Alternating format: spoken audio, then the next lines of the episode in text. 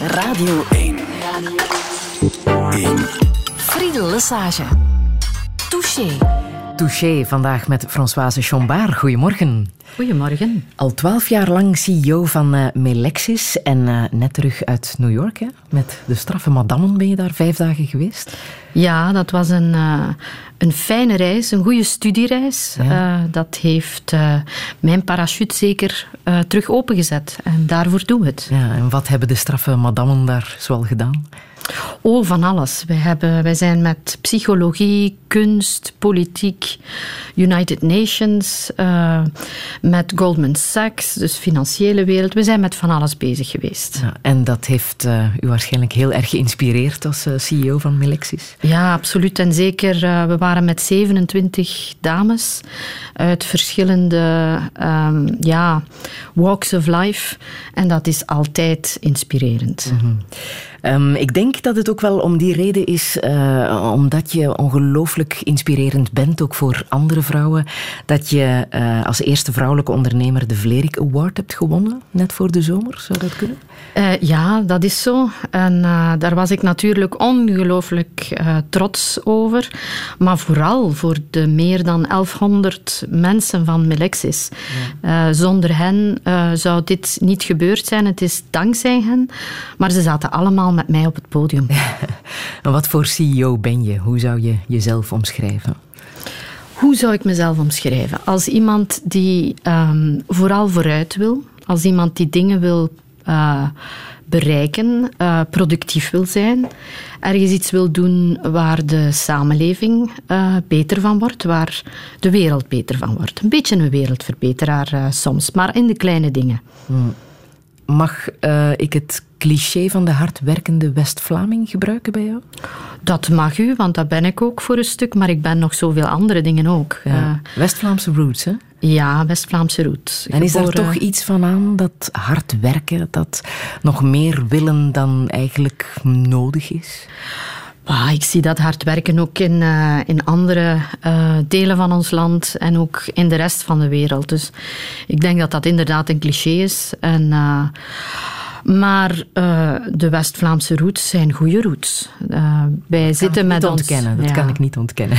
Maar tegelijkertijd zijn er ook. Uh, dus ik woon nu het langst.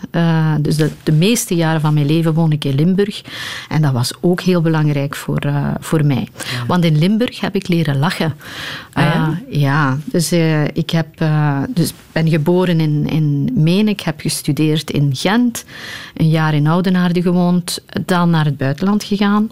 Een aantal jaren in Duitsland uh, gewoond. En nog in Oudenaarde, nog in Duitsland um, heb ik mijn buren leren kennen.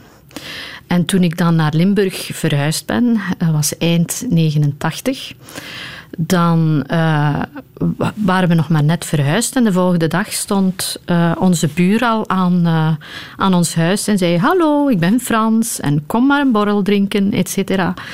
Dus de, de hartelijkheid van de Limburgers. Dat is toch wel. Ze zijn echte wereldburgers en ze heten nu echt wel welkom. Hmm. Je leeft ook naar je levensmotto, zeg je mm -hmm. over jezelf. Ja. Ja. Dat is? En dat is, uh, succes is krijgen wat je wil en geluk is willen wat je krijgt. En dat is een uitspraak die ik niet zelf uitgevonden heb. Ik heb die de eerste keer gehoord in een programma van Ruby Wax. Uh, ook een heerlijke madame eigenlijk. Uh, maar uh, de uitspraak komt oorspronkelijk van een auteur, een Amerikaanse auteur van inspirationele boeken, heb ik pas achteraf dan uh, te weten gekomen. Die heet Jackson Brown. En die heeft eigenlijk veel mooie spreuken, uh, veel mooie boeken, inspirationele boeken gemaakt. En wat is voor jou het belangrijkste? Succes of geluk? Beide. Ik denk dat, dat, dat je het een niet zonder het ander kan. Uh -huh. uh, geluk geeft je de kracht om ook naar succes te streven. En naar geluk kan je niet streven, dat overkomt je. Maar dat overkomt je vooral omdat je daar zelf de keuze voor maakt om het te laten aan -huh. je, uh, tot je te laten komen, ja. uiteindelijk. Je noemt jezelf ook een vooruitgangsspecialist, hè? Een vooruitgangsoptimist. Optimist, Optimist, nog wel. Ja, ja. ja, ja. ik denk dat, uh, de, dat er te weinig uh, gezegd wordt. En ehm, er, er, worden te veel deprimerende dingen op radio en televisie en, en andere media gebracht. Uh, uw collega Björn Soenens heeft dat eens gezegd. Het zou beter zijn om te inspireren dan om te deprimeren. Mhm. En uh, ik denk inderdaad dat als je naar de wereld van vandaag kijkt, dat we het veel beter hebben dan vroeger, maar dat mensen dat zo niet ervaren. Uh, dat er heel veel angst is. Angst voor, voor de vooruitgang, terwijl de vooruitgang juist veel goede dingen brengt aan, uh, aan mensen. En men zou dat eigenlijk meer in, ja, in het licht mogen zetten. Dat gaan we doen de volgende twee uur. François Chambard, welkom in Touché. Radio 1. Radio 1. Friedel Lesage. Touché.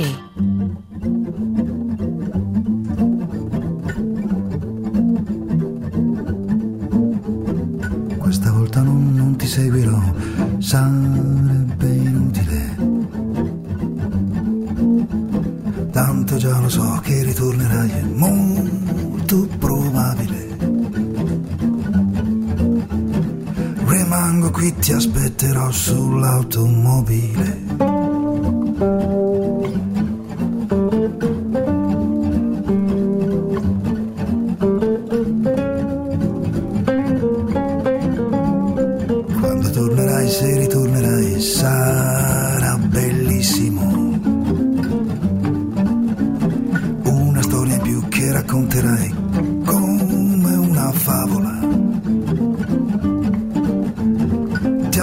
qui ancora un po' sull'automobile.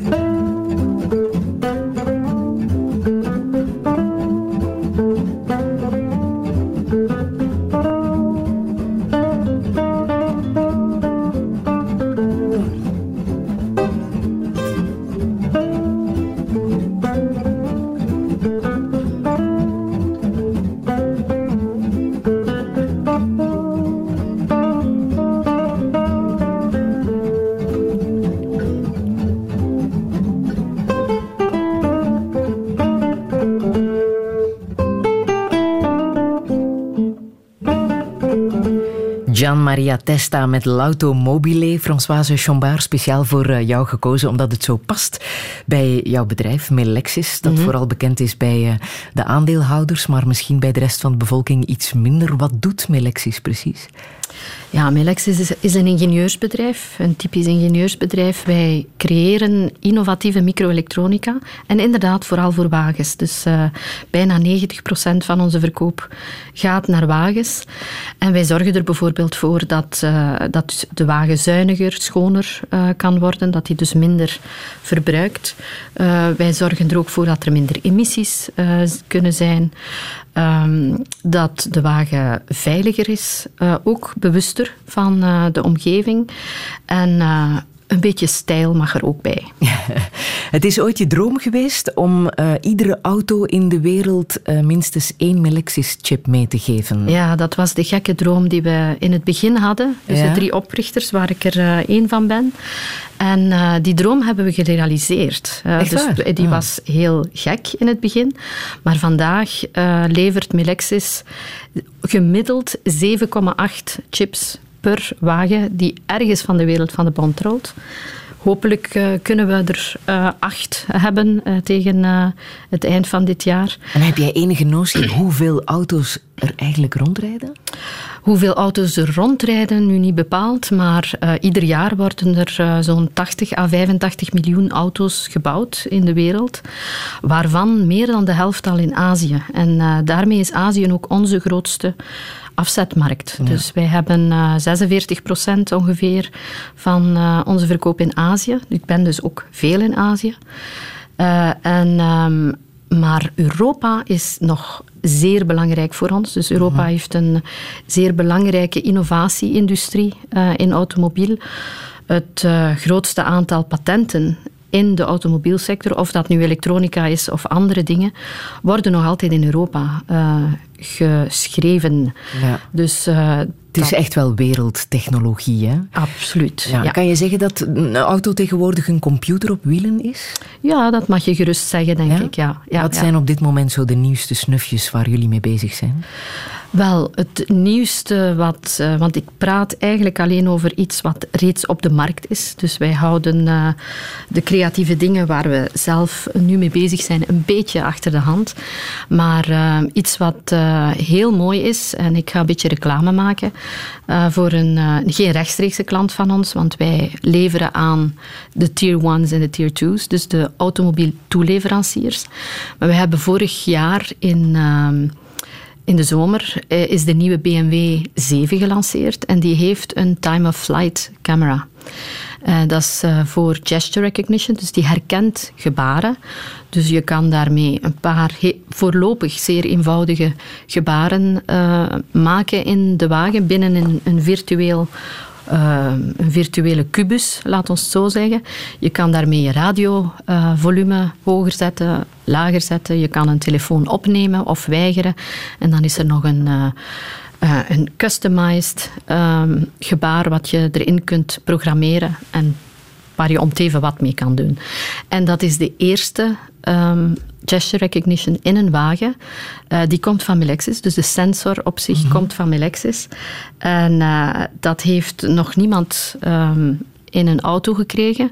Dat bestaat bijvoorbeeld wel met in de gaming-industrie.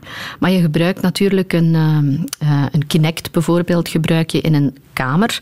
En als de zon binnenschijnt, dan doe je de gordijnen dicht. Maar dat kun je natuurlijk moeilijk in een wagen. Dus wij zijn erin geslaagd, uiteraard samen met onze klant, om uh, die sensor betrouwbaar te laten werken in een wagen waar je constant verandering van licht hebt, zoninval, uh, schaduwen en dergelijke. kan dat nuttig zijn? Wel, de industrie of de auto-industrie gaat vooral uh, vandaag kijken naar manieren om een auto veiliger te maken, om dus de um, chauffeur te assisteren Advanced Driver Assist Systems, om de chauffeur te assisteren um, in het besturen van de wagen, in het veilig uh, thuiskomen of mhm. veilig ergens aankomen. En uh, men begint met kleinere dingen, maar die worden dan langzamerhand uitgebreid. Dus time-of-flight technologie kan gebruikt worden, dus als men dat gaat uitbreiden, kan gebruikt worden. Je hebt voor gebaren heb je veel minder hersenkracht nodig dan bijvoorbeeld om een zin te, te zeggen. Dus je hebt ook speech recognition in wagens zitten, maar dat is moeilijk. Uh, daar heeft men heel veel rekenpower voor nodig, maar de mens ook heeft veel meer brainpower nodig om uh, een zin te zeggen dan om een gebaar te maken. Dus het, het, maakt de auto veiliger. Als het gaat over de automatische piloot, want dat is ook een beetje de wagen van de toekomst, hm? ja, dan hebben we nog niet echt de meest betrouwbare berichtgeving daarover uh, gekregen. Hè. Dat bleek een paar maanden uh, geleden. Tegenslag voor het project van de zelfrijdende wagen. Er is namelijk een eerste dodelijk slachtoffer gevallen bij een ongeluk met zo'n auto. Een Tesla Model S zou onder een vrachtwagen terecht zijn gekomen toen die op een kruispunt links afsloeg. De automatische piloot van de wagen had niet geremd, mogelijk omdat de auto de witte vrachtwagen niet had kunnen detecteren door het felle zonlicht. De Amerikaanse overheid opent een onderzoek. Touché. Als ik dit hoor, denk ik, moeten we daar naar streven, naar een automatische piloot, naar een zelfrijdende wagen? Wel, ik denk dat, uh, dat dat zeker een, iets is waar we kunnen naar streven, maar dat is er vandaag absoluut nog niet. Mhm. Dus de technologie uh, is nog, uh, staat nog in zijn kinderschoenen. En denken dat je zelfs een Tesla die heeft heel goede um, camera's, heel goede systemen die inderdaad de chauffeur kan helpen. Maar de chauffeur moet nog altijd natuurlijk zijn aandacht bij de weg houden en uh, in staat zijn om in een fractie van een seconde over te nemen. Dus denken dat je in een, uh, onder alle omstandigheden geholpen kunt worden, dat is zeker nog niet het geval. Um, als ik met klanten praat, uh, dan uh, is men daar uh, heel duidelijk over. Dus er zullen meer en meer systemen in de wagen komen die de, die de chauffeur helpen maar een volledig automatische piloot, uh, die dus met alle mogelijke omstandigheden overweg kan en die in alle mogelijke omstandigheden op de juiste manier reageert, ja, die komt er misschien pas in 20, 30 jaar. Mm, comfortabel rijden, dat is iets voor de toekomst, maar ecologisch rijden, dat lijkt mij heel uh, dringend. Absoluut. En uh, dat is een trend waar Melexis uiteindelijk in, de, in het verleden de laatste pakweg 10, 12 jaar mee bezig geweest is. Dus zo lang uh, is dat al. Um, en waar we nog altijd verder mee bezig zijn. Dus er is zeker, um, dat is een, een, zeer belangrijke trend, niet alleen door wetgeving, maar gewoon ook omdat het zin maakt uh, om ervoor te zorgen dat men. Het comfort van mensen blijft belangrijk, uh, de mobiliteit blijft belangrijk, maar dan ervoor te zorgen dat, dat je daar zo de zo klein mogelijke voetafdruk, ecologische voetafdruk ja. mee kunt maken, dat blijft even belangrijk. En daar kunnen wij, of daar dragen wij als Melexis zeker toe bij. Ja, en hoe lang gaat dat nog duren, die ecologische wagen? Uh, die is al veel ecologischer geworden dan vroeger. Uh -huh. um, maar daar is nog vooruitgang mogelijk. En uh, daar kan men Melexis-technologie voor gebruiken. -huh. Er was ook uh, het schandaal rond de Schumel-software van Volkswagen, nu een jaar geleden. -huh. Was jij daar op een of andere manier van op de hoogte dat dat kon, dat, dat, ja, dat ze daarmee bezig waren? Natuurlijk niet. Hè. um, het ging over software. Melexis maakt hardware, dus wij maken geen software.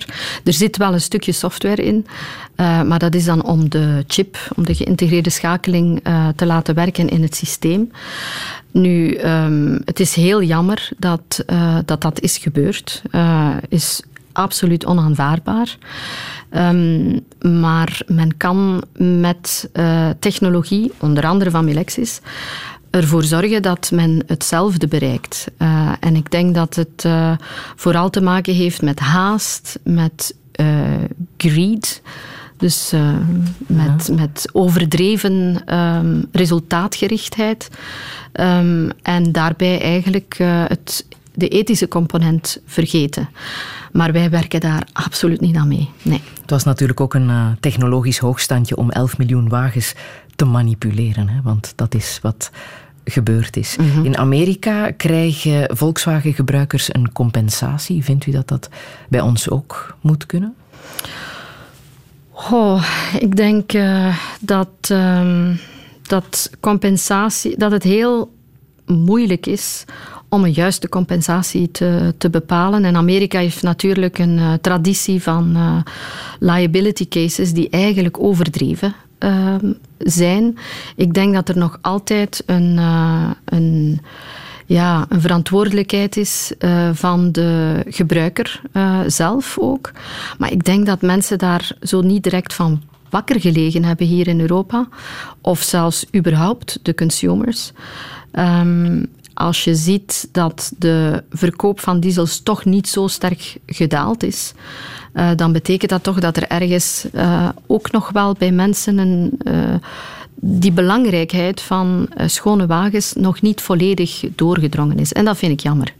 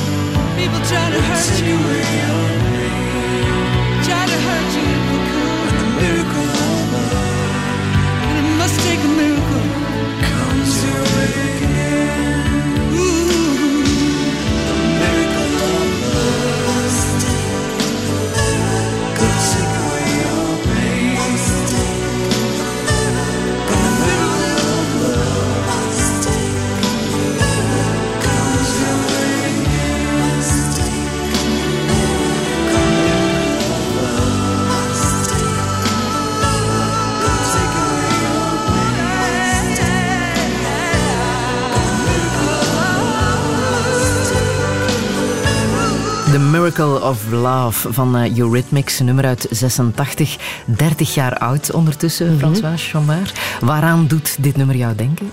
Ja, juist aan die periode natuurlijk. Hè. Uh, nu, ook aan mijn moeder.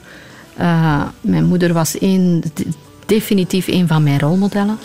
Ze was wijs, ze was ook zeer eigenzinnig. en ze legde de lat altijd maar hoger. Dus ik denk dat ik uh, van haar ook uh, dat hardwerkende ja. geleerd heb. En zij is eigenlijk het eerste stuk, of vertegenwoordigt het eerste stuk van mijn levensmotto. Uh, succes is krijgen wat je wil. maar, en dus ook, ze heeft mij ook geleerd om nooit op te geven, bijvoorbeeld. Ja. Om toch wel hard door te gaan voor wat, iets wat je belangrijk vond. Wat deed ze dan in het leven? zij heeft altijd gewerkt. Um, maar um, zij heeft ons ook altijd geleerd dat uh, om het even wat je doet, dat je dat heel goed moet doen. En ze had respect voor uh, om het even wie die uh, haar of zijn talenten gebruikte om iets productiefs te doen. Mm -hmm. Dus dat was zeker een grote les voor ons. Uh, maar ik heb twee moeders gehad. Ik heb ook mijn grootmoeder. Uh, want mijn moeder werkte dus. Uh, waardoor, ja, toen bestond de hele crèches en, en onthaalmoeders, dat bestond toen nog niet. Dus automatisch werd ik dan zorgde mijn grootmoeder voor mij, of mijn grootouders zorgden voor mij. Mijn grootmoeder uh, vertegenwoordigt eigenlijk het tweede stuk. Dus geluk is uh, willen wat je krijgt. Mhm. Mijn grootmoeder komt uit een zeer arm gezin. Uh, zij waren echt straatarm. En dat gebeurde met meer. Ik bedoel, als je nu kijkt, dan is dat veel, veel minder het geval. Maar de tijd dat zij geboren is, 1919, net na de Eerste Wereldoorlog, was er ongelooflijk veel armoede. En zij heeft daar veel over verteld.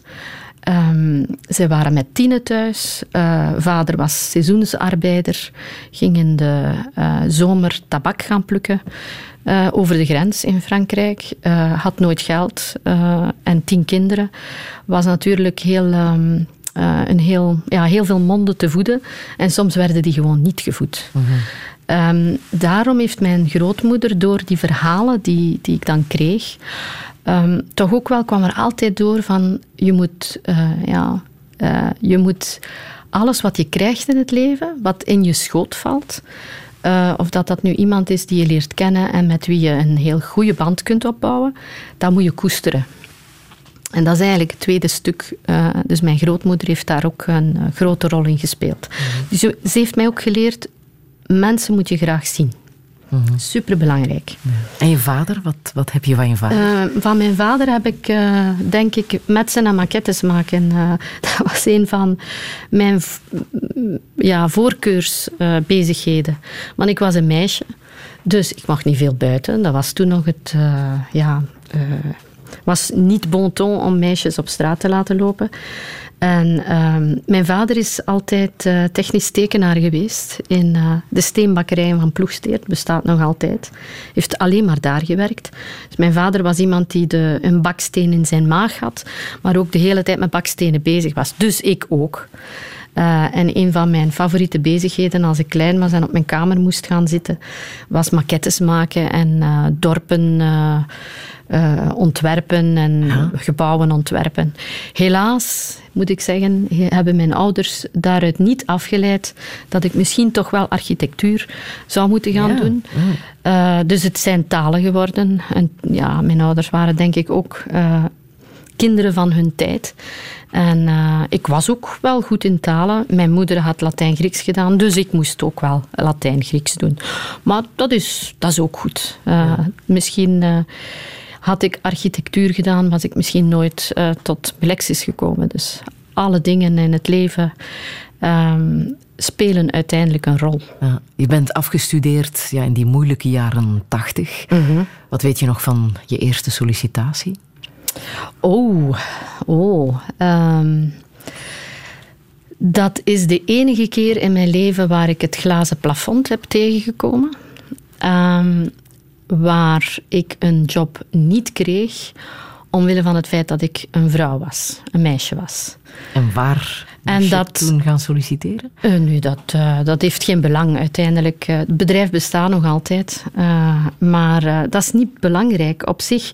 Wat belangrijk was, ik heb dan nog een tweede job sollicitatie gedaan waar ik een andere job heb gekregen. Ik ben er dan uiteindelijk gaan werken, want er was niks anders um, te vinden op die moment.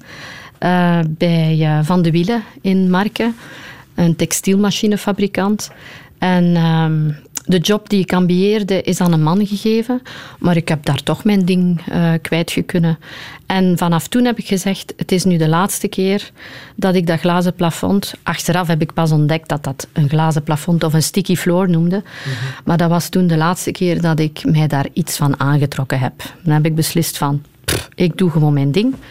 En uh, ik ga dan gewoon werken bij diegenen die mij wel waarderen.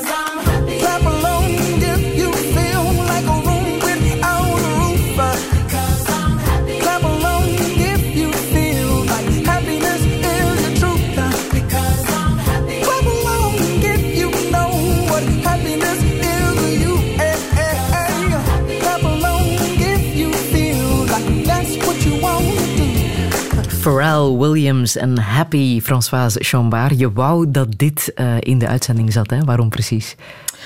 Ja, omdat ik, uh, nog eens omdat ik geloof in de positieve kracht van, uh, van mensen. En omdat ik erin geloof dat mensen allemaal talenten hebben. People have talents, therefore they don't have other talents, zegt onze coach vaak bij ons. En dat klopt. Dus ik denk, een coach? Wij hebben, wij hebben een heel grote coaching culture bij ah. Melexis.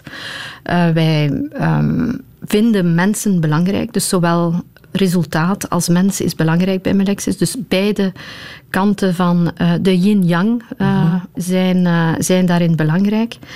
En talenten moet je ontwikkelen. Iedereen heeft talenten.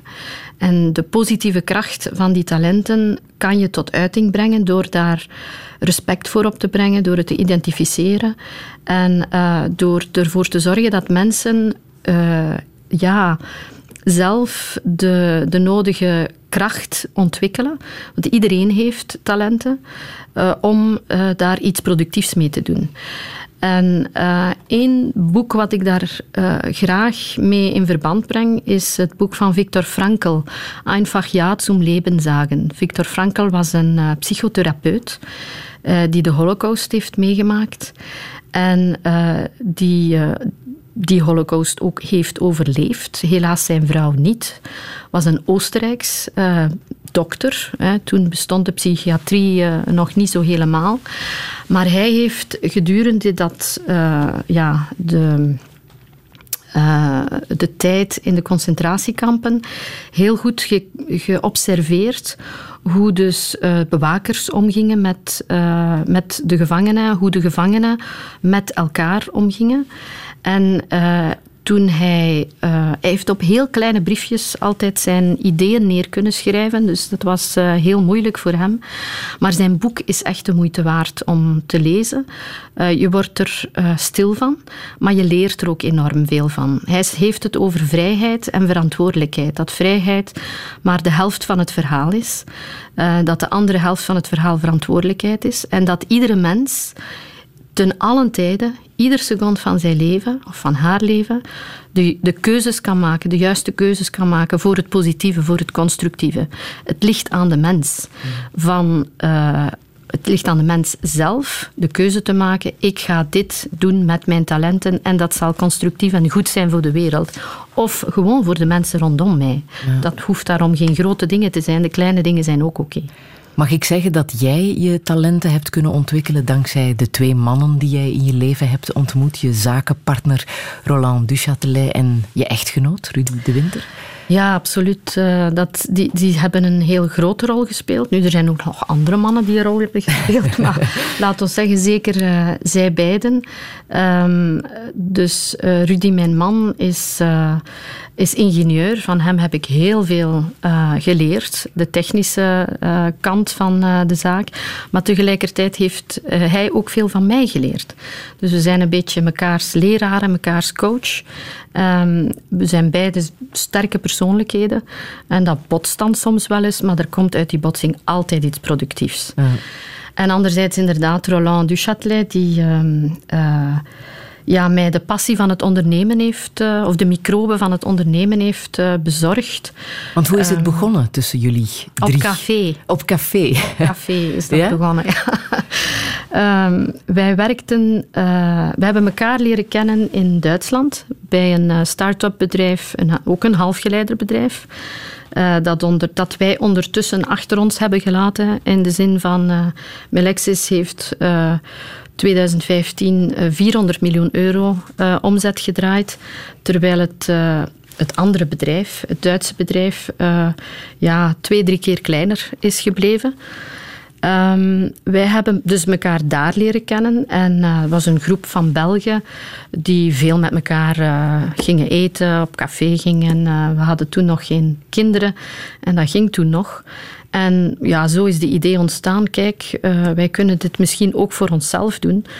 Um, ik dacht dat hij te veel gedronken had, maar hij was bloedserieus. en uh, dat was een... Ja, ik was toen uh, eh, 27. Ik was piepjong. mijn man is ongeveer twee jaar ouder. Roland is wel meer dan 15 jaar ouder dan ik. Um, hij had al, hij heeft een ondernemerstalent. Hij is ongelooflijk scherp. Ik heb er ongelooflijk veel van geleerd ook. En ehm, ja, dus dat heeft zeker mijn leven veranderd, die twee dingen. Dus ja, jullie zijn gesprongen, om het zo te zeggen. Wij zijn in het duister gesprongen, ja. was het een risico? Natuurlijk was het een risico. Uh, zeker. Uh, en het was ook uh, de eerste jaren ongelooflijk moeilijk. Mm -hmm. Het is, denk ik, tot we dan op de beurs gegaan zijn op 19, in 1997, was het iedere maand krabben om, ja, om onze mensen te kunnen betalen. Was het hard vechten om iedere klant. Um, maar ik denk dat we ook wel veel geluk hebben gehad, omdat we op een, op een goed moment zijn begonnen. En uh, dus enerzijds was het een goed moment omdat de elektronica in wagens net toen is beginnen groeien. Een wagen ziet er vandaag helemaal anders uit dan in de jaren tachtig. Ehm, dus veel meer elektronica in wagens. En het andere is dat we ook hebben kunnen profiteren, laten we zeggen, of, of het geluk hebben gehad dat toen de wende is gebeurd, waar dus een, een heleboel um, opportuniteiten te grijpen lagen. Uh, zo zijn we dus ook kunnen beginnen in het vroegere Oost-Duitsland en voor een symbolische Duitsmark een, uh, een bedrijf hebben kunnen uh, overnemen. Dus het is een opeenstapeling van van geluk enerzijds en anderzijds ook van gewoon te doen wat we graag deden. Um, en in 2004 ben jij CEO geworden. Was dat een grote stap, een moeilijke stap? Nee, dat was zo geen moeilijke stap. En het was ook maar een, uh, het was ook maar een titel. Hè. Uiteindelijk heb ik... Ja? nee, oké, okay, het is een titel, voilà. Dan weten de mensen waar je voor staat. Maar uiteindelijk is, heeft dat niet veel veranderd, uh, omdat ik van in het begin er toch uh, ook bij was. Ik heb wel de bewuste keuze gemaakt in 1997, omdat we met veel initiatieven bezig waren, heb ik de bewuste keuze gemaakt om met Melexis te gaan, omdat mij dat toch wel uh, het meeste aansprak. dat ik het gevoel had dat, dat ik daar ja, dingen kon realiseren die ik misschien in de andere initiatieven minder kon. Mhm. Maar je leidt 1100 mensen die internationaal mhm. werken. Mhm. Waaraan moeten jouw werknemers voldoen om voor jou te kunnen werken? Wel, ze werken ten eerste niet voor mij. ze werken met mij en ik werk met hen. Um, ik denk dat ik veel meer uh, gemeenschappelijk heb met uh, onze mensen dan uh, misschien op het eerste zicht lijkt. ik denk zoals zij, ja, wil ik ook graag vooruit. wil ik ook graag dat het bedrijf sterk staat om ja, crisissen door te, te kunnen maken. En we hebben er dus een serieuze doorgemaakt in 2008, eh, eind 2008, 2009. En we willen gewoon iets, we willen de, uh, onze klanten tevreden stellen, maar ook ervoor zorgen dat onze mensen zich goed voelen. Een van de redenen waarom we het bedrijf begonnen zijn, was om iets te doen wat we graag deden. En voor ons was het zeer normaal dat mensen die er dan bij kwamen, dat die ook ja, fun moesten hebben. Dat die ook uh, levensvreugde moesten hebben. Dus wij hadden van in het begin al een zeer specifieke bedrijfscultuur, die we dan uiteindelijk ook uh, ja, uh, zeer sterk hebben uitgebouwd. Ze hebben ook de vrijheid om fouten te maken, laat ik. Ja, want als je innovatie wil, als je, als je innovatie wil, dan betekent dat creatief zijn. Creatief zijn betekent dat je dingen moet uitproberen. En dingen uitproberen betekent dat je niet altijd direct de juiste weg kiest. En dat je dus fouten moet maken om te weten hoe je het net niet moet doen. En dat wijst je dan de weg over uh, naar hoe je het wel kan uh, doen en succes hebben ermee. Ja. En ondanks die fouten uh, blijven jullie uh, het heel erg goed doen internationaal. Uh -huh. uh, Forbes Magazine heeft jullie tot de top 50 geclasseerd van de meest betrouwbare bedrijven van ja. Europa. Ja. Waaraan hebben jullie dat te danken? Ik denk juist aan, die, aan het feit dat wij vooral belang hechten aan mensen. Of dat nu onze mensen zijn of onze klanten. Je werkt voor mensen en je wil iets goed doen. Je wil het goed doen. En ik geloof ook dat mensen het uh, vooral goed menen met elkaar. Uh, en uh, dat, ze, dat ze gewoon graag gezien willen worden. En dat is in het bedrijfsleven niet anders. Mm. Helpt dan een boek als uh, De Zeven Eigenschappen van Effectief Leiderschap? Dat is die klassieker van Stephen ja. Covey. Hè? Heb ja. je daar veel uit gehaald? Ja, daar heb ik ook veel uit gehaald. Nu, Stephen Covey is, is een Amerikaan. En op het einde van het boek wordt hij zo wat evangelisch en, en dergelijke. Dus die kant, die, is, die hoeft voor mij niet. Maar zijn zeven eigenschappen zijn absoluut zeer zeer, uh, ja, gaan echt op het doel af. Mm -hmm. En vullen eigenlijk uh, dat aan wat ook Viktor Frankl in zijn boek meebrengt. Dus die positieve kracht naar boven brengen. Weten dat je, uh, dat je niet afhankelijk moet zijn, maar dat, dat je en ook niet totaal onafhankelijk, maar dat je succes komt uit het succes ook van andere mensen, van bijdragen aan succes van andere mensen. Mm -hmm. Wat Covey dus interdependent noemt. Dus niet ik weet niet hoe dat, uh, je dat in het Nederlands zou zeggen, uh, interafhankelijk van elkaar. Dus mede verantwoordelijkheid ook nemen voor elkaar. Mm. Je hebt ook De ambitieuze vrouw van Hanny van den Horst eh, gelezen. Hè? dat is een heel oud boek, ja. ja. Hoofdredacteur geweest van uh, Margriet, dat Nederlandse succesvolle blad. Mhm. Ehm, wat heb je daaruit geleerd, uit dat boek De ambitieuze vrouw? Oh, het is heel lang geleden dat ik dat gelezen heb. Uh, maar dat heeft mij voor een groot stuk ook geholpen uh, zoals ik daarnet zei, van mij eigenlijk niks meer aan te trekken van dat glazen plafond. Voor mij bestond dat niet meer. Uh, omdat zij dat ook voor een stuk in het, uh, in het boek naar voren bracht. En ze zei van, je moet gewoon je ding doen. Um, je moet vooral ook niet onderdoen voor anderen, maar ook niet per se de mannelijke kant uh, overnemen. Je moet vrouw blijven. En dat vind ik nog altijd zeer belangrijk, want de rijkdom komt juist uit het feit. Dus de rijkdom komt uit het feit dat een vrouw en een man juist niet hetzelfde zijn, dat ze andere dingen bijdragen. En als je dat dan breder neemt, heeft connecteer ik dat dan weer met uh, creativiteit en uh, innovatie inclusiviteit is hetgeen dat bijdraagt tot vooruitgang. Dus hoe meer je mensen betrekt bij de dingen die je doet en hoe meer verschillende mensen je betrekt bij hetgeen je doet, hoe betere resultaten dat je kan creëren.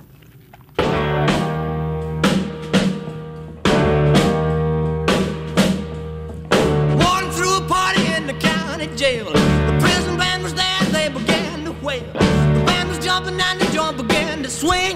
You should have heard this knocked out jailbird sing. Let it rock. Everybody, let it rock. Everybody in old cell block was dancing to the jailhouse rock. Spider Murphy played his tenor saxophone. Little Joe was blowing on the slide trombone. The drummer boy from Illinois would crash, boom, bang. The whole rhythm section was a purple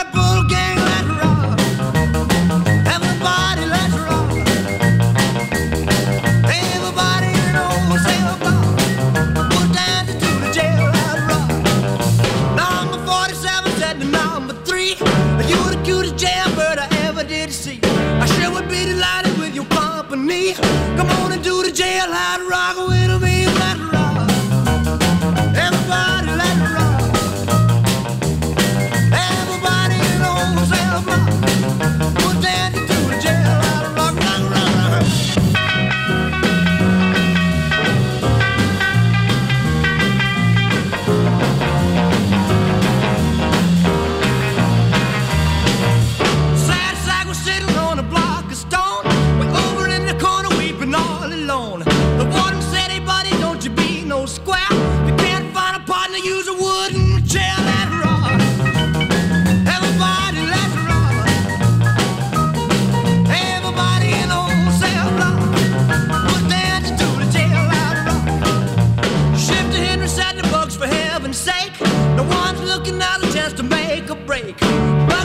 Shifter and he said, Nix, nix. I wanna stick around, I wanna get my kicks. Let rock. Everybody, let rock. Everybody in old cell block was dancing to the jail out rock. Dancing to the jail out rock. Dancing to the jail out rock. Elvis Presley en de Jailhouse Rock. Françoise Chambard, uh, waarom heb je dit gekozen? Ja, ik vind dat een van de beste jives die er zijn. Uh, en een van de filmpjes, van de videoclips, die, eigenlijk, uh, die vond ik eigenlijk ook wel goed. Ik vond die zeer artistiek. -huh.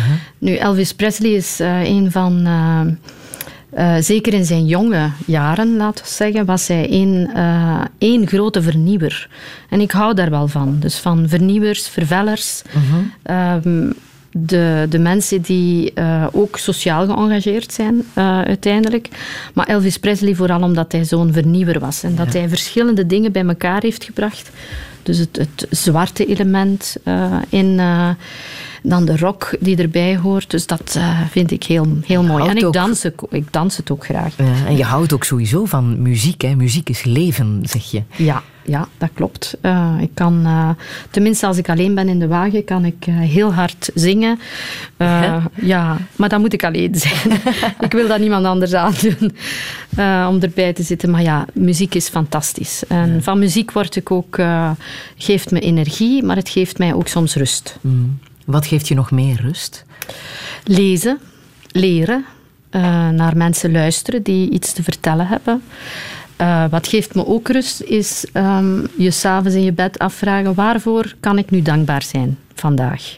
En dat kunnen heel kleine dingen zijn. Van ah, ik heb de eerste krokussen zien uitkomen in de tuin. Of uh, uh, ik heb naar iemand kunnen luisteren die mij geïnspireerd heeft. Uh, of ik heb een klant kunnen tevreden stellen. Het zijn dikwijls heel kleine dingen die, die je tot rust brengen en die je dan ook niet alleen tot rust brengen, maar ook energie geven om verder door te gaan. Um, ik probeer ook één of twee keer in de week, afhankelijk van mijn reisschema, aan yoga te doen. -hmm. Uh, en als ik reis, dan is dat de tijd dat ik uh, veel kan lezen. Dus op het vliegtuig of uh, terwijl ik alleen aan het eten ben als ik ergens naartoe ga. En lezen geeft mij ook enorm veel plezier en, en inspiratie. Mm. Hoe woon jij? Hoe woon ik? in een huis met een tuin. Waar ik, dat is ook iets waar ik heel dankbaar voor ben. Dat ik, dus ik woon dus in Limburg. Eh, een zeer groene provincie. En ik heb dus ook wel veel uh, bomen uh, staan. Dat vind ik leuk. Ik vraag het omdat je graag thuis bent en thuis mm blijft. Hè? Ja, omdat ik ook al de helft van mijn tijd uh, niet thuis ben, mm -hmm. um, vind ik het uh, heel fijn om thuis te zijn. Gewoon thuis zijn. Ja, maar qua architectuur, want je vertelde zo net dat je kan metsen, dan vraag ik mij af uh, hoe dat huis er baksteengewijs uitziet. Wij wonen, wij wonen modern en minimalistisch, want ik hou wel van van uh, een heel strakke lijn. Um, ben je een architectuurliefhebber geworden, ondanks het feit dat ja, je geen architect bent ja, geworden? Ja, want ik ga bijvoorbeeld uh, naar musea niet per se om de kunst die erin staat, maar vooral om het gebouw. Omdat dat meestal, zoals het Guggenheim Museum in, in Bilbao van Frank Gehry, wauw, dat heb ik uh, vorig... nee, dit, deze zomer ontdekt. Dat is een van mijn bucketlists geweest. En ja, daar hou ik wel van. Maar ik hou van abstract, minimalistisch. Um, dus ook van beeldhouwwerken bijvoorbeeld, waar een zekere ambacht uitspreekt. Mm -hmm. uh, een zekere puurheid ook. Dus vooral met, met uh, natuurlijke materialen te werken. Er is een, uh, trouwens een... Een, wij hebben een artiest bij ons werken, een beeldhouwer bij ons werken, die heet Renaat Sioen.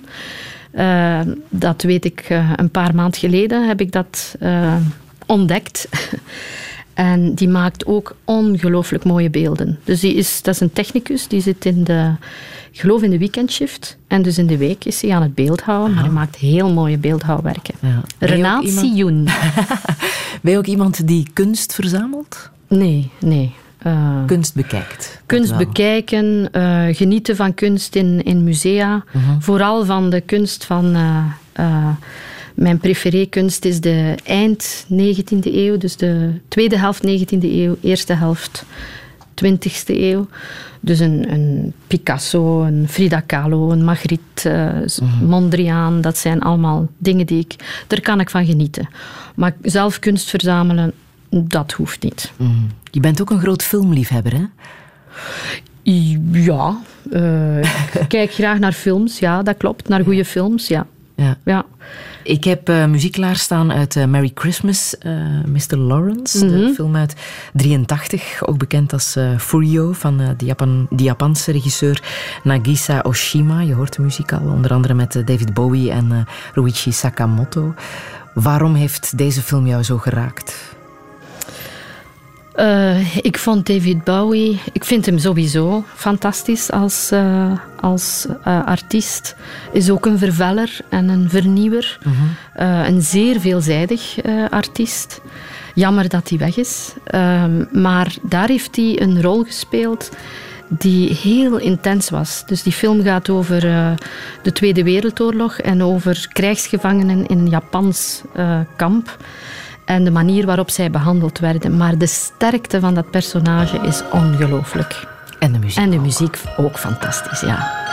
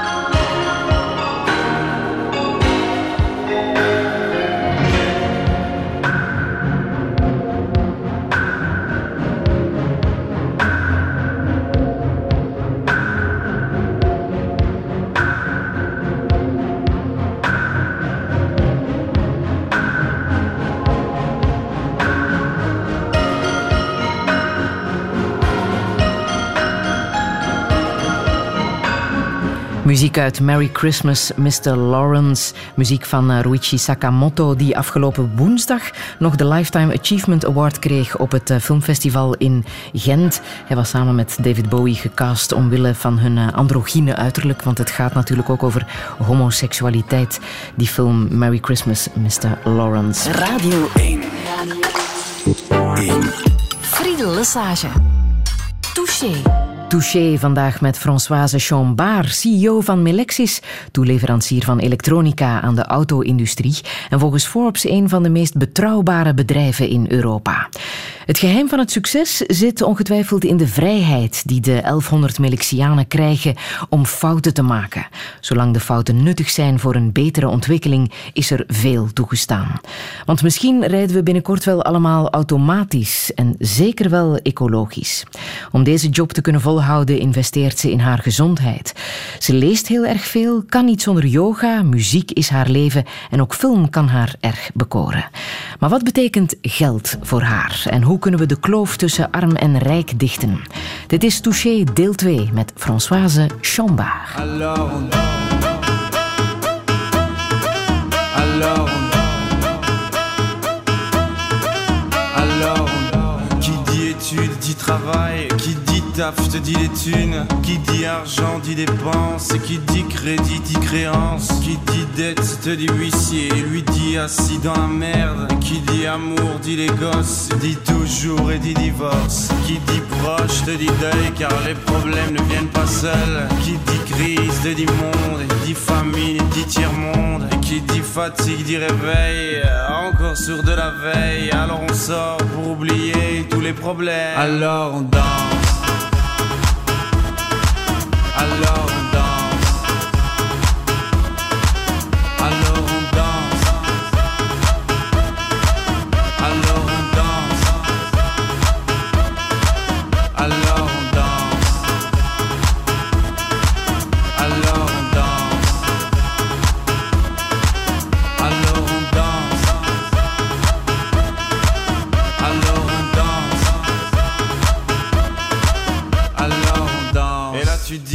c'est fini, car pire que ça, ce serait la mort. Quand tu crois enfin que tu t'en sors, quand il y en a plus, eh ben y en a encore. Et c'est la ou les problèmes, les problèmes ou bien la musique, ça te prend les tripes, ça te prend la tête. Et puis tu pries pour que ça s'arrête, mais c'est ton corps, c'est pas le ciel. Alors tu te bouges plus les oreilles, et là tu cries encore plus fort, mais ça persiste. Alors on chante.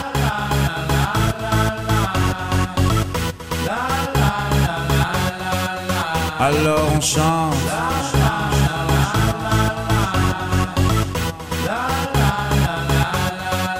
Alors on chante.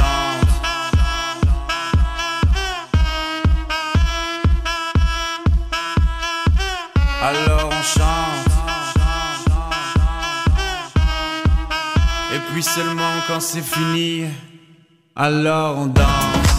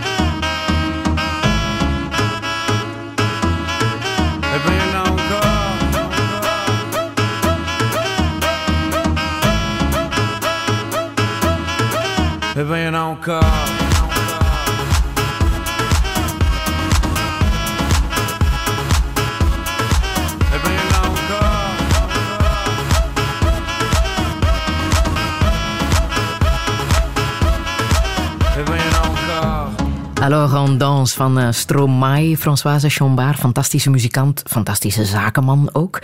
Waarom wou je hem laten horen? Omdat dat net uh, iemand is die voor mij uh, zijn talenten op de juiste manier gebruikt. En uh, die ook zeer sociaal geëngageerd is. Ja. Dus men mag succesvol zijn. En als men dan ook nog eens sociaal geëngageerd is, dan vind, is er altijd een plaatje in mijn hart. Het is een hit uit 2009. Mhm, Moeilijke jaren, hè? Voor ja, de economie. dat waren hele moeilijke jaren. Dat was eh, de eerste keer. Eh, wij, wij zijn dus ieder jaar gegroeid eh, als Melexis. En 2008, vierde kwartaal, komt de crisis. En eh, boeten we dus eh, in. Het eerste kwartaal van 2009 was zelfs maar een kwart van onze normale eh, kwartaalsomzet. En dat woog enorm zwaar. Vooral omdat het ook, ja, het deed het bedrijf pijn, maar als het het bedrijf pijn doet, dan doet het ook de mensen pijn. En daar had ik het heel erg moeilijk mee. En toen ik dan dit hier, eh, dat was in 2009 als ik me niet vergis, dan had, je had ik dikwijls ook zo van, pff, inderdaad, alors on danse, eh, men moet het allemaal af, af en toe eens vergeten. Maar als je dan naar de tekst luistert, dus zijn, eh, er was één, één zin, qui dit crise dit monde, die famine dit tiers-monde. Was dus een zeer, ehm, hij, kan dat heel goed, hij kan dat ehm, heel goed eh, oproepen. Het beeld van, kijk, er is wel crisis, maar kijk eens ook naar al de rest. Er zijn mensen die het nog veel erger hebben. En laat ons daar eh, toch wel iets aan doen, laat ons dat ook niet vergeten. Dus ik vond het een, eh, ja, hij heeft er mij voor een stukje ook doorgeholpen, denk ik. Stromae staat op de lijst van rijkste Belgen op 546. Hij is daarmee de tweede rijkste artiest van ons land, na Oh. Geert Hoste, met een vermogen van bijna 11 miljoen euro. Weet jij op welke plaats jij staat? Eh, nee, dat interesseert mij eigenlijk ook niet. Dat is niet zo belangrijk. Ah bon, ja. Je staat op 94, Oh, met een vermogen van bijna 194 miljoen euro. Amai. Ja. Oké, ja. so what? hè? Eh, Wat betekent geld voor jou? Het betekent dat je ehm, dingen ermee kunt doen die productief zijn. Eh, geld betekent voor... Ik ben... Ik zie graag mooie dingen, et cetera. Maar ik kom uit een, eh, een zeer bescheiden gezin. En ik denk dat ik bescheiden van deze wereld zal weggaan. Voor mij is het belangrijk wat je... Wat, eh, vermogen je in staat stelt om te doen. En wat mij zeer sterk eh bezighoudt, en al van als ik jong was, ehm, is eh, die ongelijkheid, het feit dat het zeer onfair is. dat, dat er hele, hele erg rijken zijn en terzelfde tijd enorm armen. En de economie van vandaag heeft de natuurlijke neiging om de vermogensongelijkheid te doen toenemen. En eh, dat is niet goed. Men moet ingrijpen, vind ik, in bepaalde, eh, op bepaalde vlakken. En de huidige technologische vooruitgang eh, zal daar nog een schepje bovenop doen. Dus de automatisering, de robotisering van de industrie is een goede zaak. Daar moet men niet voor terugschrikken. Maar tijdens de transitie moet men wel voor de mensen zorgen. En dat gaat eh, niet over jobs, jobs, jobs, maar eerder over zorg dat de mensen een inkomen hebben. eh, waardoor ze niet in armoede vervallen, omdat eh, als men in armoede vervalt, dan komt men in een overlevingsmodus. En uit die overlevingsmodus komt niet veel goeds. Maar als je ze dan bijvoorbeeld een vrijheidsdividend geeft of een basisinkomen, ehm, dan ehm, geraken ze uit die visieuze cirkel van Daar ben armoede jij uit. voorstander van, van het basisinkomen. Ja, daar ben ik voorstander van. En ik denk, eh, want men moet uiteindelijk inkomen loskoppelen van eh, arbeid. Men kan zeer productieve dingen doen. Vrijwilligers bijvoorbeeld doen zeer veel productieve dingen, worden daar weinig voor betaald of zelfs niet voor betaald. Maar dat is even productief. En ik vind dat eh, onze maatschappij en onze wereld als geheel, dus als je het hier eh, in, in België houdt, onze maatschappij is rijk genoeg om iedereen een eh, vrijheidsdividend of basisinkomen te geven. Het zou het ook allemaal veel simpeler maken. Dus de uitgaven van de staat zouden eh, verminderen, niet vermeerderen, maar verminderen. Men kan dat financieren, maar je geeft mensen een, een, een way out. Je geeft mensen een basis waar ze bijvoorbeeld ja, ervoor kunnen zorgen dat ze eh, hun aandacht niet alleen moet gaan over welke boterham zal ik morgen kunnen eten of hoeveel boterhammen zal ik morgen kunnen eten, maar hoe kan ik eh, mijn kinderen naar school sturen, hoe kan ik ze de best mogelijke kansen geven. Er wordt al geëxperimenteerd met uh, het basisinkomen, hè? onder andere in een dorp in Oeganda, waar jij ook ja. Ja, aan meewerkt. Hè? Ja. ja Op welke dit, manier? Dit heb ik leren kennen. Uh, dat, dat, heet, dat initiatief heet Aid World. En heb ik leren kennen via Nele Lijnen, volksvertegenwoordiger en zielsgenoot van mij. Um, en het project heet dus Aid World. Het is een project van Maarten Goedhals en Steven Janssens. De bedoeling is dat zij uh, een dorp in Oeganda uh, gaan uh, steunen met een basisinkomen van 8 euro per volwassene en twee kinderen. Daarvan komt Aid World, dus Aid van 8 euro. En Aid klinkt ook een beetje zoals aid, zoals hulp. hulp. Mm -hmm. Nu, wat mij daar aan dat project vooral interesseert, uh, is het feit dat het uh, ten eerste rechtstreeks naar de mensen gaat, dus via mobile money. Dat uh, iedere volwassene het krijgt. dus het typische van een basisinkomen is dat het universeel en onvoorwaardelijk is. Um, en dus dat betekent dat ook de vrouwen het zelf krijgen en dat ondersteunt hen uh, om het juiste te doen ook voor, uh, voor hun kinderen. Merk je dat het ook effectief rendeert? Um, ja, er zijn verschillende uh, initiatieven en pilootprojecten reeds geweest. En die hebben eigenlijk allemaal uitgewezen dat het de mensen in staat stelt om niet alleen hun kinderen naar school te sturen. en dus de toekomst van hun kinderen beter te maken, maar dat het ook uh, hen in staat stelt om bijvoorbeeld eigen initiatieven te ontwikkelen. Dus er zijn er heel veel die gewoon eigen bedrijfjes starten, kleine bedrijven starten. Mm -hmm. En die, uh, die dus effectief na verloop van tijd uit de armoede geraken. Ik wil uh, met jou even terug naar vorige zondag. Op dit middaguur werd uh, met een paar dagen vertraging de beleidsverklaring voorgelezen in uh, de Kamer door premier Charles Michel en dat klonk ongeveer zo. Een andere cruciale uitdaging is economische efficiëntie en fiscale rechtvaardigheid te verbinden. En we zijn volop bezig met het onderzoek van de voorstellen van de minister van Financiën over de hervorming van de vennootschapsbelastingen. Ons doel is de aantrekkelijkheid van ons land te vergroten, de KMO's beter te ondersteunen en jobs te creëren. Touché. Ja, ze onderzoeken nog de economische efficiëntie en de fiscale rechtvaardigheid. Worden CEO's zoals uh, u daarin geconsulteerd? Oh, ik ben daar niet in geconsulteerd, denk ik. niet, niet, voor zover ik mij herinner. Maar uh, die dat hele verhaal over uh, meerwaardebelasting en dergelijke, het, doet mij denken aan een... Uh, het is door een sleutelgat kijken en mm. maar een, een, heel klein stukje van de, van de kamer zien. Je moet eigenlijk de deur open doen en in de kamer kijken, de volledige kamer bekijken. Dus ik vind het goed dat er nu tijd wordt genomen om daar dieper op in te gaan. Het is jammer dat er een heel ja, groot klimaat van wantrouwen is tussen de verschillende actoren.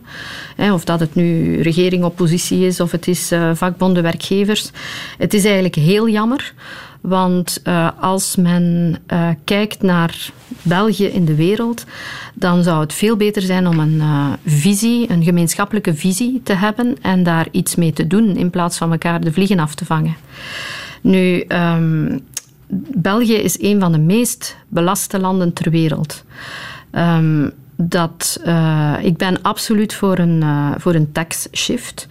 Maar dan moet het een combinatie zijn tussen enerzijds het uh, verminderen van de, um, van de kosten van de overheid, zodanig dat um, de added value, de toegevoegde waarde die de overheid geeft, dat die wordt aangevoeld bij mensen als ja, dit is nuttig. Veel dingen vandaag zijn, worden niet als nuttig ervaren. Dus de overheid is niet echt efficiënt eh, op zich. Mhm. En zaken uit het bedrijfsleven zouden daar uh, gerust aan, aan bod kunnen komen.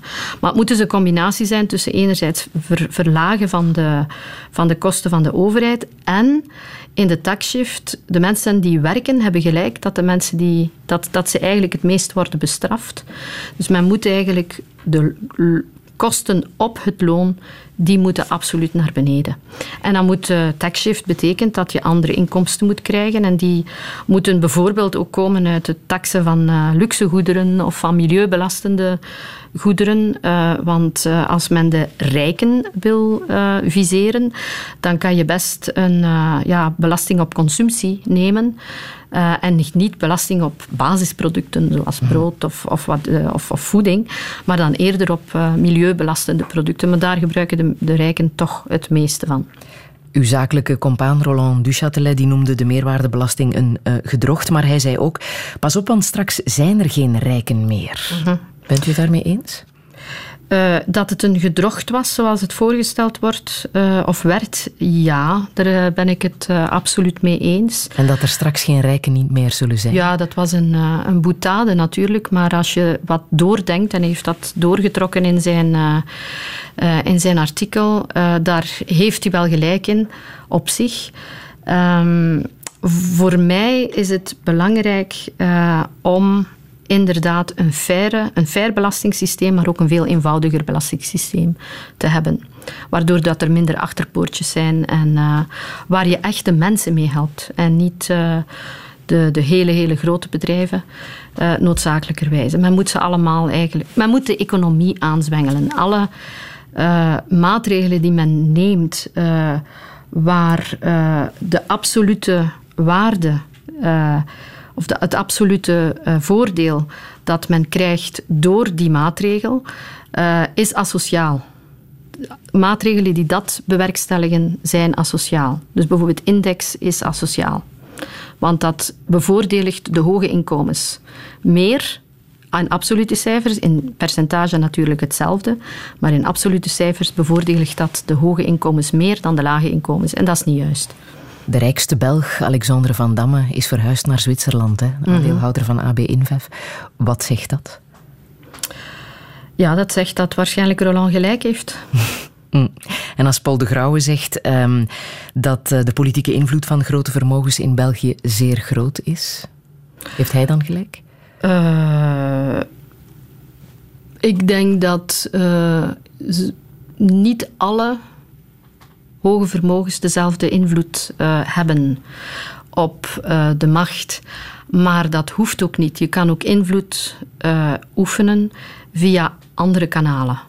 En daarvoor is het bij mij bijvoorbeeld ook wel belangrijk om lokaal, dus ik heb gesteund dat, dat, dorp in Oeganda bijvoorbeeld, maar voor mij is het ook belangrijk om hier in België uh, zaken te steunen.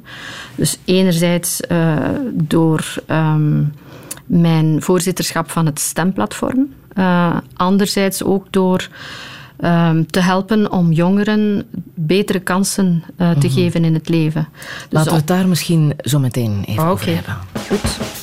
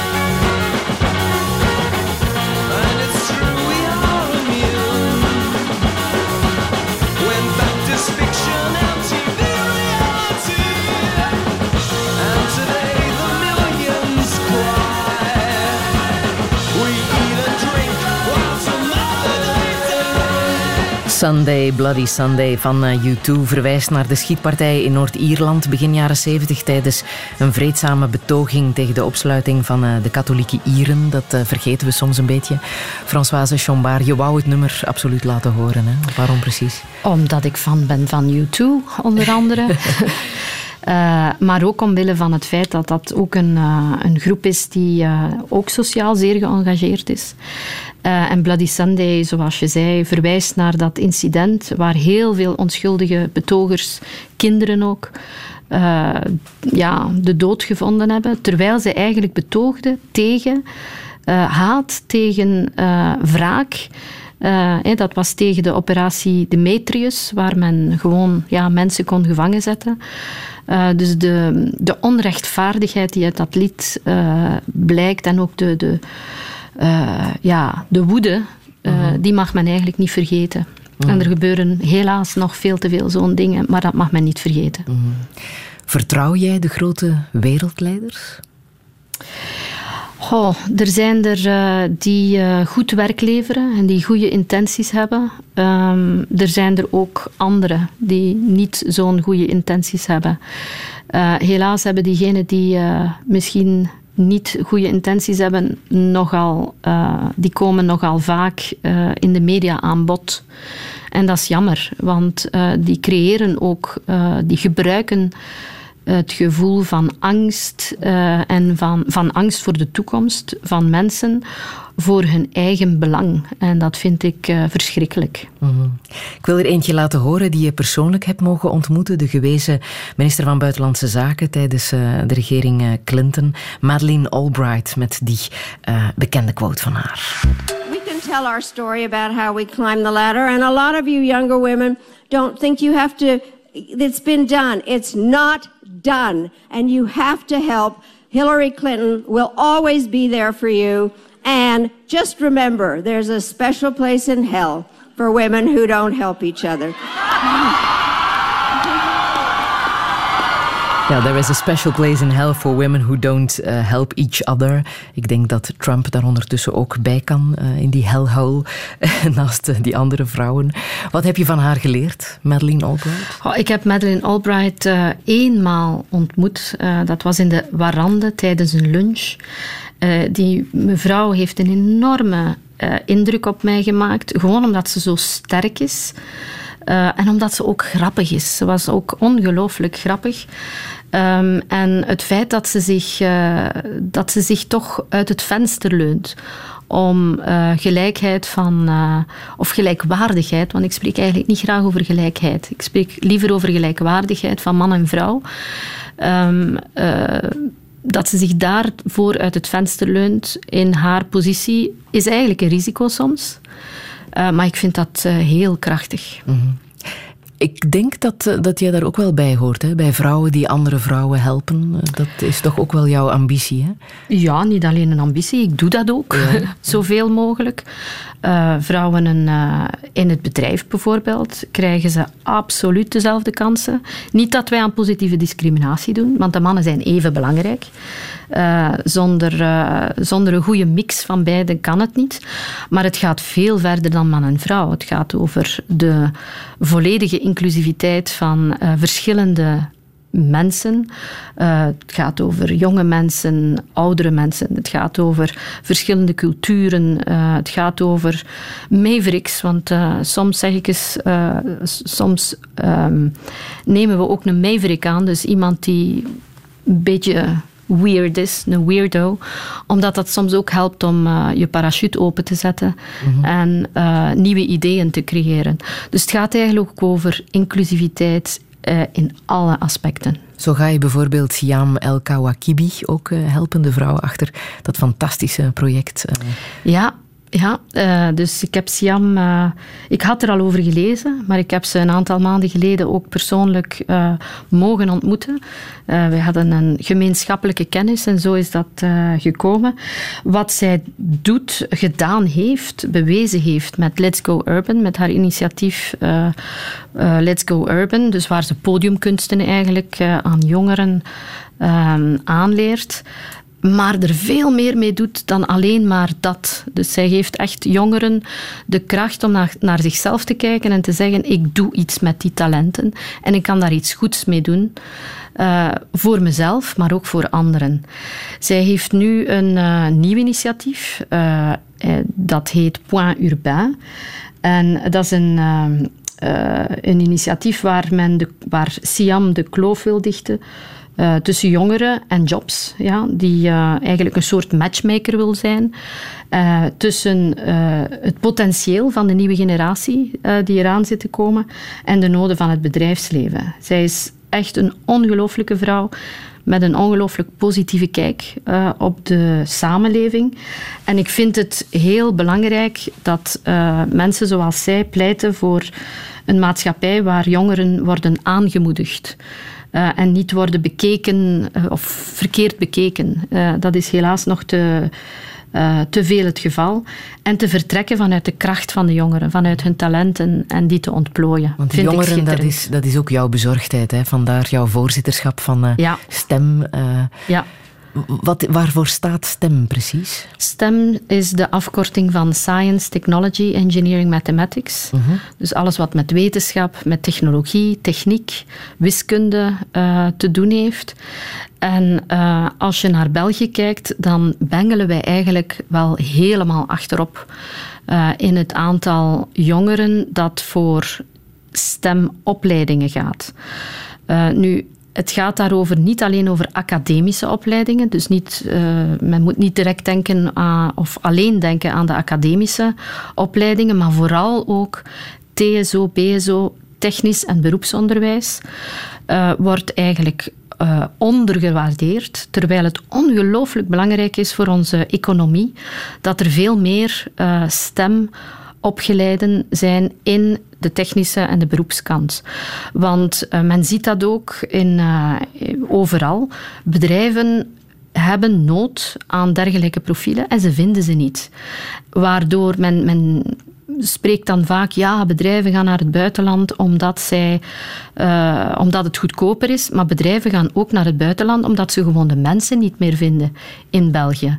Zo zijn wij bijvoorbeeld met Melexis in het jaar 2000 naar Oekraïne getrokken omdat wij gewoon geen technisch geschoolde mensen meer vonden. We waren toen ook nog niet, niet zo bekend. Dat zal er misschien ook wel mee te maken hebben gehad. Maar wij zijn niet naar Oekraïne getrokken omdat, we, uh, omdat het daar goedkoper was. Gewoon dat was een manier om ingenieurs te vinden. En in die zin uh, denk ik dat we veel meer.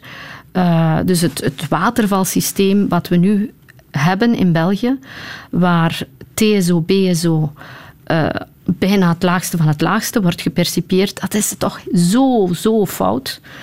En het, het zou beter zijn om daar wat meer aandacht aan te besteden. Het is vertragen op de E19 van Antwerpen naar Brussel vanaf Vilvoorde en op de buitenring rond Brussel tussen Sint-Stevens-Woluwe en Machelen. Radio 1. Touché.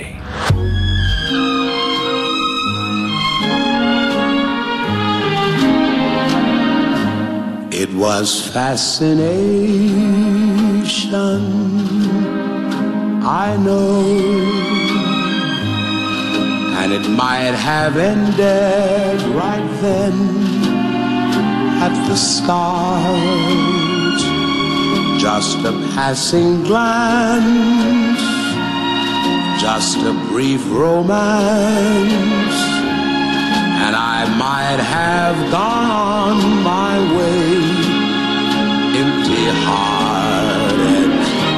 It was fascination. I know seeing you alone with the moonlight above. Then I touch your hand, and next moment I kiss you. Fascination turned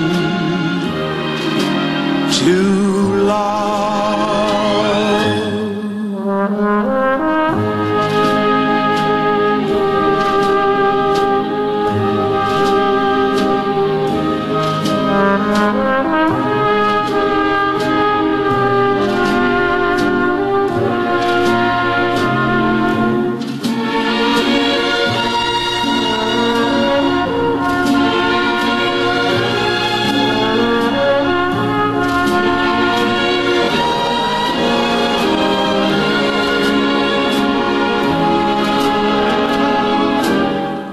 Was fascination.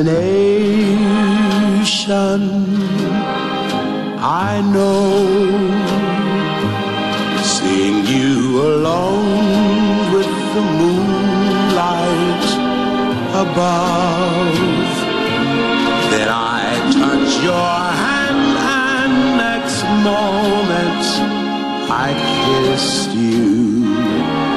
Fascination turned Nat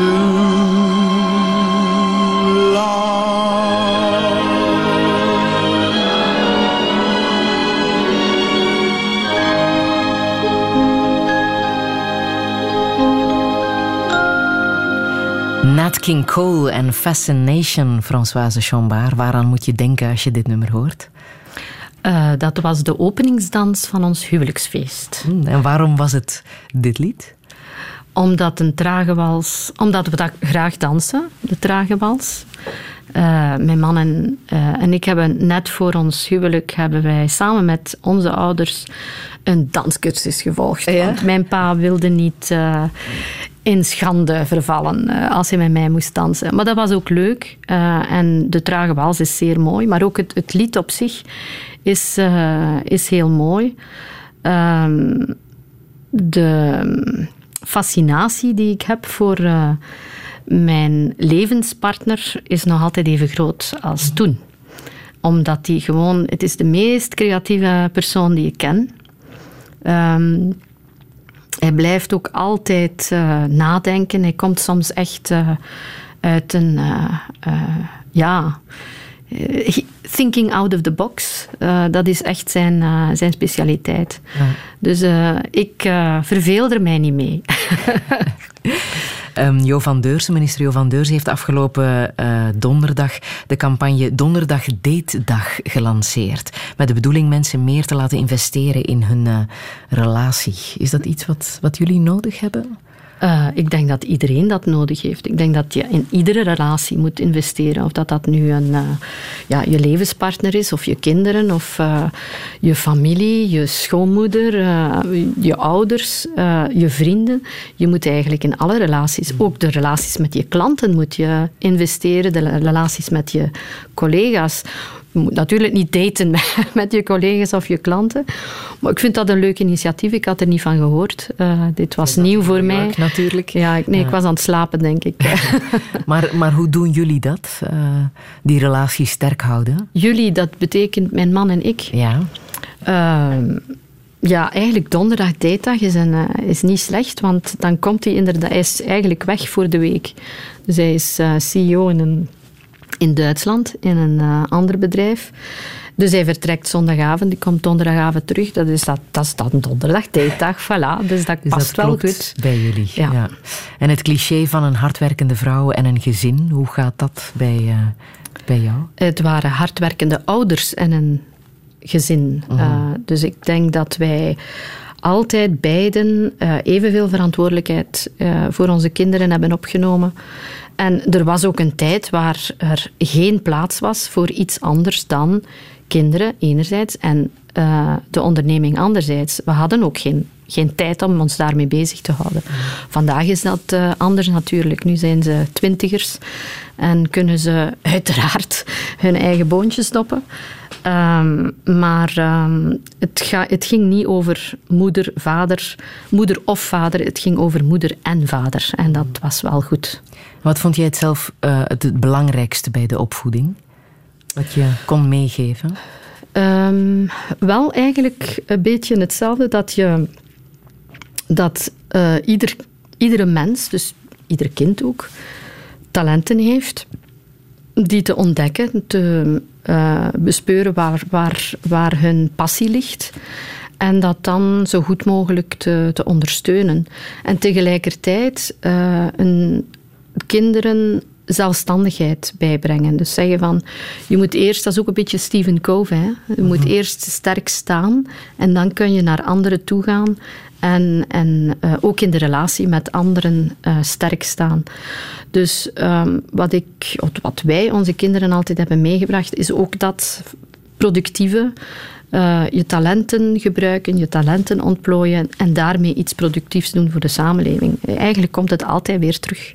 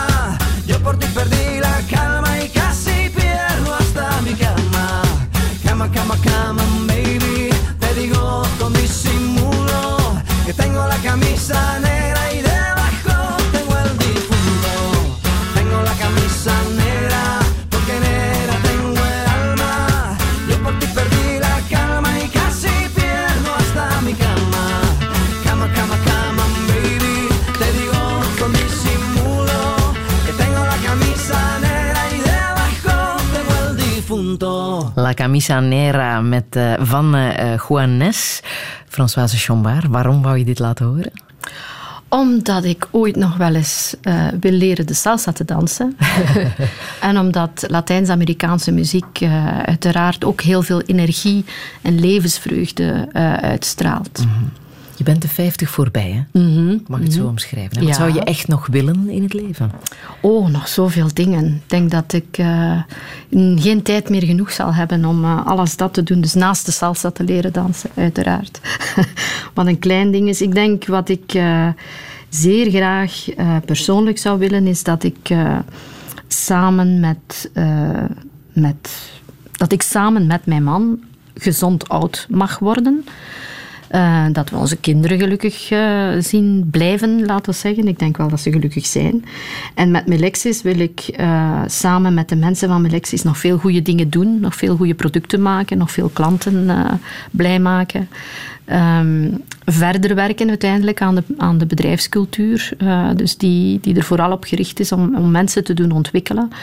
En zich goed te laten voelen in, in wat ze doen. Um, En daarbuiten, buiten Melexis, is uiteindelijk initiatieven, verder de initiatieven te ontplooien die mij toch tenminste de indruk geven dat ik bijdraag aan een uh, betere wereld. Dus dat ik nog een verschil kan maken uiteindelijk in deze wereld. Heb jij iets gemist in je leven?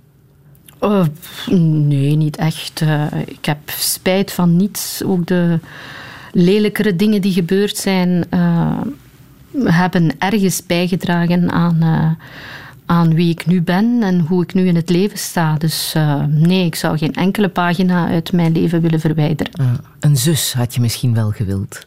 Ja, maar die heb ik nu. Hè. Ik heb twee dochters en één zoon. En die, uh, ja, die twee dochters zijn een beetje zussen van mij ook. Hè. ja. Maar ben je op een of andere manier bezig met de eindigheid van het leven als je zegt dat dat een bekommernis is, gezond oud worden? Ben ik ermee bezig? Nee, eigenlijk niet. Uh, ben, ik zorg er wel voor dat ik gezond blijf. Ja, dus ik, hmm. daar doe ik wel iets voor. De yoga helpt daar. Uh, ik loop niet graag, maar uh, aan jogging probeer ik toch twee, drie keer in de week aan toe te komen. Uh, gezond eten, maar vooral ook je, nog eens je gelukkig voelen bij de kleine dingen. dat, is, dat draagt ook bij tot gezondheid. Hmm. Waarin geloof jij? Ik geloof dat. Uh, ik geloof vooral dat mensen het goed met elkaar menen. En dat men vooral graag gezien wil worden. Ik geloof niet in een God. Uh, ik ben uh, overtuigd atheïst. Vroeger was ik agnost, toen had ik nog twijfel. Ondertussen denk ik dat God een, een, een creatie van de mens is. En het is de mens die het moet doen. Dus niet uh, God. Dat moet men niet aan God overlaten. De mensen moeten hun eigen lot in handen nemen en er iets mee doen. En ze kunnen het ook. Ze hebben, ik ben ervan overtuigd dat mensen het uh, vernuft en ook de wil, de goede, de goede wil hebben om de juiste dingen te doen. De meeste mensen. Mhm. En vragen blijven stellen, zoals Socrates. Dat vind je ook belangrijk, hè? Ja, Socrates heb ik leren kennen door uh, uiteindelijk ja, het secundair Latijn-Grieks te doen. En Socrates heeft mij altijd geboeid uh, als filosoof, omdat hij nooit antwoorden gaf. Hij stelde alleen maar vragen en ook soms zeer ongemakkelijke vragen. Dus hij was zo wat te luis in de pels. Maar ik vind wel dat je, je moet mensen hebben die vragen blijven stellen, maar je moet ook mensen hebben die antwoorden kunnen geven. Dus elk van, uh, van de twee rollen zijn belangrijk, denk ik. Mm -hmm. Welke boodschap wil je hier nog meegeven? Oei, dat klinkt zo. ja, dat is mijn vaste vraag op zondag. Vergeef ah, het mij. Oké. Okay. um, boodschap. Um, het leven is iets wat je zelf ervan maakt. Um, je hebt talenten. Kijk ernaar en doe er iets mee. Iets goeds. Mm -hmm. Ik heb nog muziek van uh, Beethoven, de pianosonate, waar jij zo van houdt. Mm -hmm. Wat uh, betekent deze muziek voor jou? Kippenvel. Ja? Ja, vooral de tweede beweging. Ik ja. uh, hoop dat het die is die je gaat laten horen. gewoon, ik ben, ja, zoals je al zei, ik ben een grote muziekfan. Ik heb ook muziek gestudeerd tot mijn achttiende. Ja? Um, maar muziek heeft mij altijd geboeid. Dat is een ongelooflijk mooi element van het leven. En verder niks meer mee gedaan met uh, de muziek? Ik was niet zo goed. Dan kunnen we het beter in professionele versie laten horen. Vind ik ook. Dank je wel.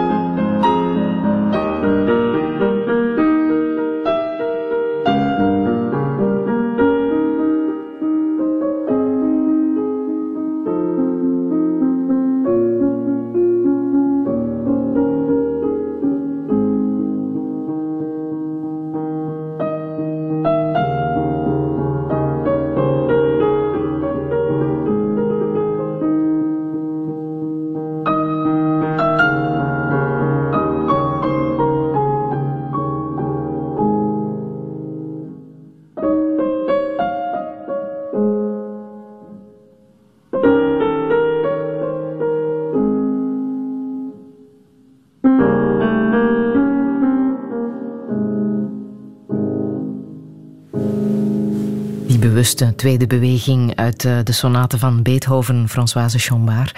Ik wil je hartelijk danken voor uh, dit fijne gesprek. Alle info zet ik zo meteen op uh, de website van Radio 1, radio1.be. Volgende week verwacht ik hier schrijver Jeroen Olieslagers. En op 6 november zit Touché live op de Boekenbeurs. Dat is dan met Wouter de Preeg en zijn muzikant Ruben Fokketijn. Als je erbij wil zijn, dan kan je je vanaf nu inschrijven. Het enige echte inschrijvingsformulier staat zometeen online radio1.be. Straks is er Grand Cru en Sportzaag en uh, kunnen we nog genieten van een zonnige zondag. Jij ook? Kan je nog een beetje genieten van deze zondag? Wel, dit, dit was al een zeer goed begin van een leuke zondag. dus dank je voor het uh, gesprek, uh, Friedel. was heel leuk.